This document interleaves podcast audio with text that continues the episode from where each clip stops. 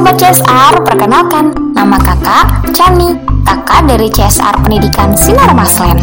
Kak Chani akan berbagi cerita setiap hari Senin pukul 7 pagi. Langsung aja yuk kita mulai ceritanya.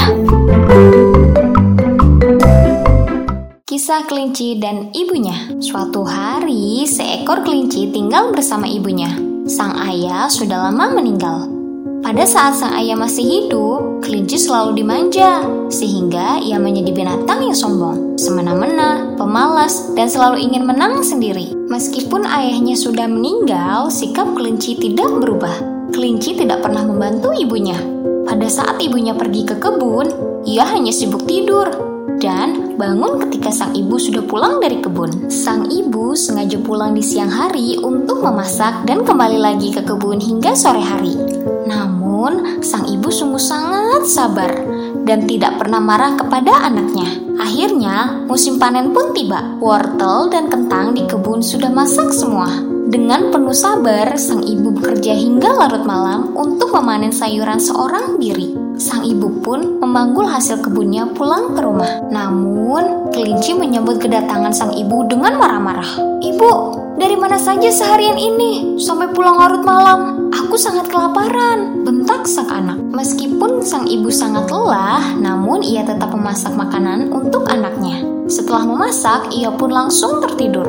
Namun, keesokan harinya, sang ibu kelinci jatuh sakit. Ibu, cepatlah bangun. Hari sudah siang. Aku sangat lapar. Masakan sesuatu untukku. Ujar kelinci marah ketika melihat sang ibu masih di tempat tidur. Anakku, masaklah sendirian. Kau sudah besar, jawab sang ibu. Kelinci pun merasa sangat kesal dan pergi ke kebun untuk mencari buah-buahan. Pada saat itulah kancil lewat. Hei kelinci, di mana ibumu? Aku tidak melihatnya di kebun ini, kata kancil. Ibu sangat pemalas, Cil. Sudah siang seperti ini, ia masih tidur, ujar kelinci. Yang benar saja kau kelinci, ibumu sangat rajin. Semalam ia di kebun sampai larut malam. Jangan-jangan ibumu sakit. Bolehkah aku mengunjungi rumahmu? Ujar kancil. Kelinci hanya diam saja dan mengikuti kancil masuk ke dalam rumahnya. Kancil pun langsung melihat keadaan ibu kelinci. Kelinci, ibumu sakit. Mengapa kau tinggalkan ia sendirian? Ia pasti sangat kelelahan bekerja sampai larut malam. Ujar kancil. Sementara kelinci hanya diam saja mendengarkan kancil. Akhirnya kancil pun pergi ke dapur untuk membuatkan makanan untuk ibu kelinci. Kelinci, ibumu orang yang sangat baik dan rajin. Kau harus membantunya. Dan jangan sampai ibumu capek sendirian hingga sakit seperti ini. Coba saja bayangkan bagaimana jika ibu meninggalkanmu seperti ayahmu dulu dan kamu harus hidup sendirian. Ujar Kancil. Kancil berusaha menyadarkan kelinci karena sikap-sikapnya yang sangat tidak baik selama ini.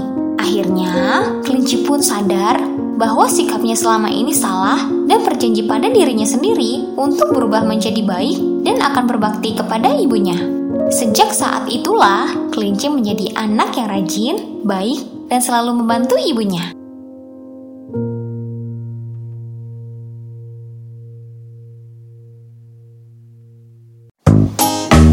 Adik-adik, dari cerita yang telah didengarkan tadi, kalian bisa mengirimkan feedback dengan menjawab pertanyaan apa yang kalian lihat, apa yang kalian rasakan, dan apa yang kalian pikirkan. Feedback dapat dikirim melalui guru kalian ataupun message anchor. Selamat mendengarkan dan salam literasi. See you!